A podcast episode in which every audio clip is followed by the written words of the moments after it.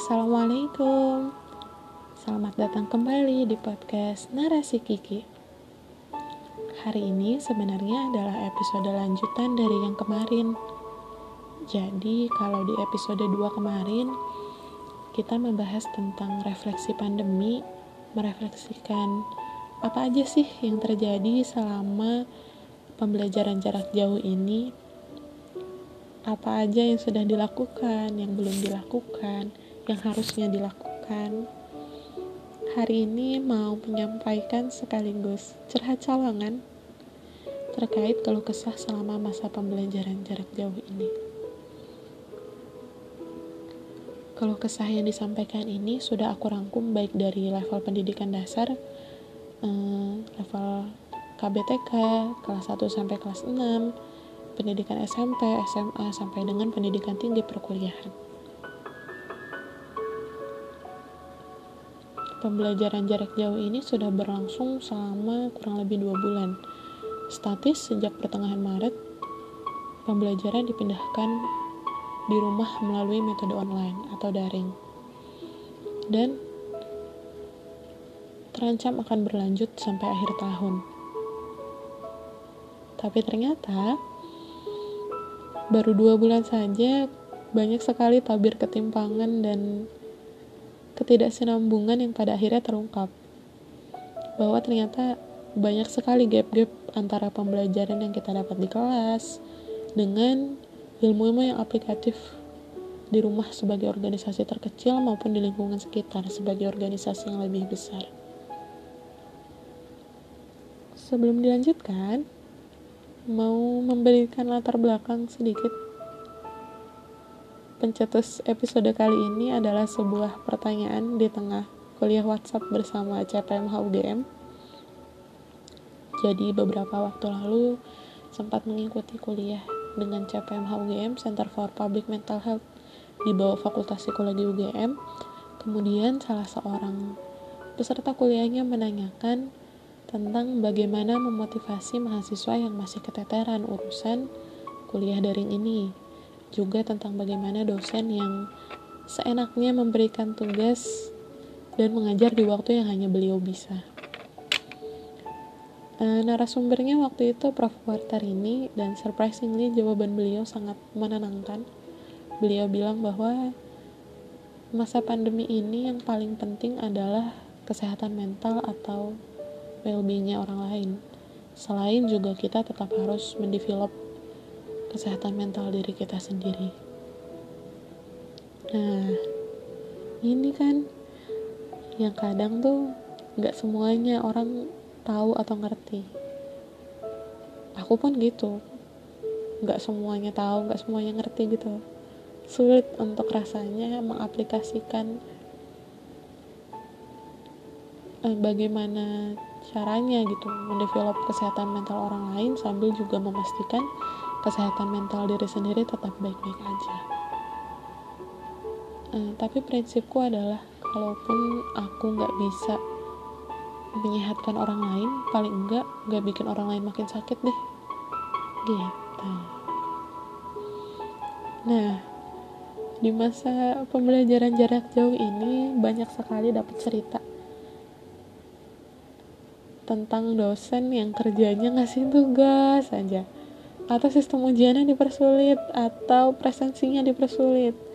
Telat 10 detik dihitung tidak hadir padahal kan ya kita semua sama-sama tahu ya kondisi sinyal dan listrik di semua daerah itu nggak sama. Mas Menteri Pendidikan kita kaget ternyata kalau masih ada daerah di Indonesia yang belum tersambung listrik. Katanya wah kok ada? Gitu kaget ya ya kita maklumi saja ya mungkin karena beliau lama menghabiskan waktu di luar jadi belum tahu tentang hal-hal ini. Juga karena mungkin PLN masih kesulitan menyambungkan listrik ke beberapa daerah. Banyak mahasiswa yang pada akhirnya komplain kalau dosen sih enak bangun tidur buka laptop ada wifi kalau saya harus jalan dulu buat dapet sinyal gitu eh, atau tentang guru yang banyak memberikan lembar kerja untuk siswanya? Katanya pengganti UN atau pengganti ujian. Padahal kan ketika UN atau ujian lain ditiadakan itu penilaiannya diubah menjadi asesmen kompetensi. Yang artinya bahwa benar-benar sesuai kompetensi yang harus dipenuhi siswanya yang seharusnya guru ini sudah memegang poin-poinnya sejak semester 1 atau mungkin sejak si murid masih kelas 4, kelas 5 di level SD, kelas 1, kelas 2 di level SMP dan SMA. Karena kan beliau harusnya sudah kenal muridnya ya secara spesifik satu persatu, jadi tidak bisa dibenarkan juga ketika lembar kerja bertumpuk dengan alasan menggantikan UN atau menggantikan ujian. Gitu. Atau tentang hmm, dosen yang curhat. Katanya mahasiswanya banyak yang kuliah dengan kondisi pakai baju tidur. Padahal kuliah online yang tatap muka langsung kelihatan pakai baju tidur. Padahal dosennya sudah begadang untuk menyiapkan PPT disambung dengan paginya sudah harus mengajar. Atau bagaimana orang tua murid yang komplain katanya kok gurunya nggak siap terus kalau untuk ditelepon atau lama sekali kalau untuk ditelepon padahal untuk mengangkat telepon gurunya perlu mengondisikan rumahnya dulu. Ya ya kita tahu lah banyak sekali guru yang masih underpaid yang belum punya device yang mendukung belum tinggal di lokasi yang mendukung untuk bisa setiap saat melakukan webinar. Gitu. Ternyata kan pada akhirnya kondisi ini tuh punya keluh kesahnya sendiri untuk setiap orang kondisi ini tuh membuat kita tahu bahwa saudara-saudara kita masih ada yang belum kebagian listrik. Masih 11% penduduk kita yang belum kebagian listrik. Itu baru listrik, belum sinyal yang tidak merata. Kondisi ini juga kan membuat kita tahu bahwa ada orang-orang yang berjuang mati-matian untuk menyampaikan materi ke kita yang mungkin perjuangannya nggak bisa sekadar dirupiahkan. Kita jadi tahu bahwa nilai utama sekolah wajib belajar 12 tahun itu atau kuliah 4 tahun untuk sarjana, 3 tahun untuk vokasi dan diploma itu bukan sekadar nilai yang ada di rapot atau IPK saja. Bukan sekadar rapot isinya 100 IPK kamu 4 semua kita jadi tahu bahwa ilmu mungkin saja bisa sampai dengan adanya teknologi, tapi ikatan batin itu hanya bisa dilakukan dengan hati.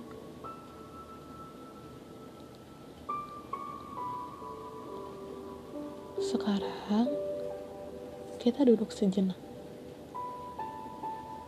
merefleksikan kembali apa sih yang sebenarnya kita sebagai dosen, guru, siswa, mahasiswa butuhkan.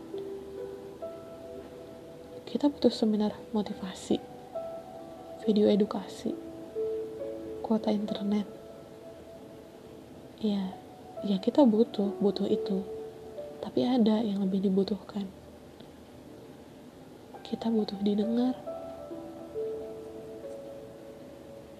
Penting memang untuk menggunakan teknologi dalam pembelajaran tapi jauh lebih penting untuk mempertajam hati dan menghidupkan kemanusiaan. Sebab berbicara tentang pendidikan itu bukan berbicara tentang canggihnya peralatan, apalagi tentang memanfaatkan kesempatan dalam kesempitan.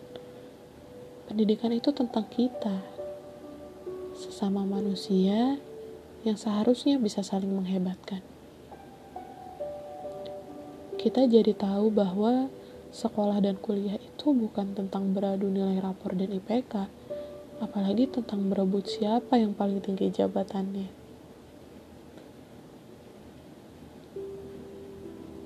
Bukan karena itu pendidikan menjadi berarti. Sampai kapan pun, tidak ada yang bisa menggantikan konektivitas manusia untuk mengabdikan pendidikan.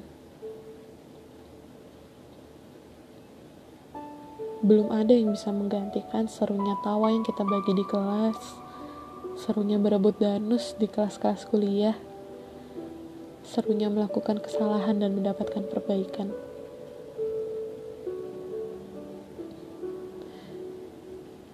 belum ada yang bisa memberikan pengertian lebih baik tentang menyadari bahwa sekalipun dunia ini berat, kita nggak perlu memikulnya sendirian. Selain itu tadi, konektivitas kita sesama manusia.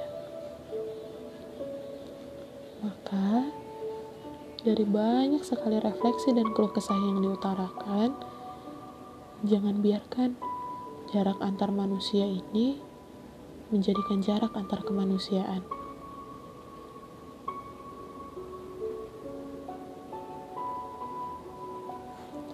Selamat Hari Pendidikan.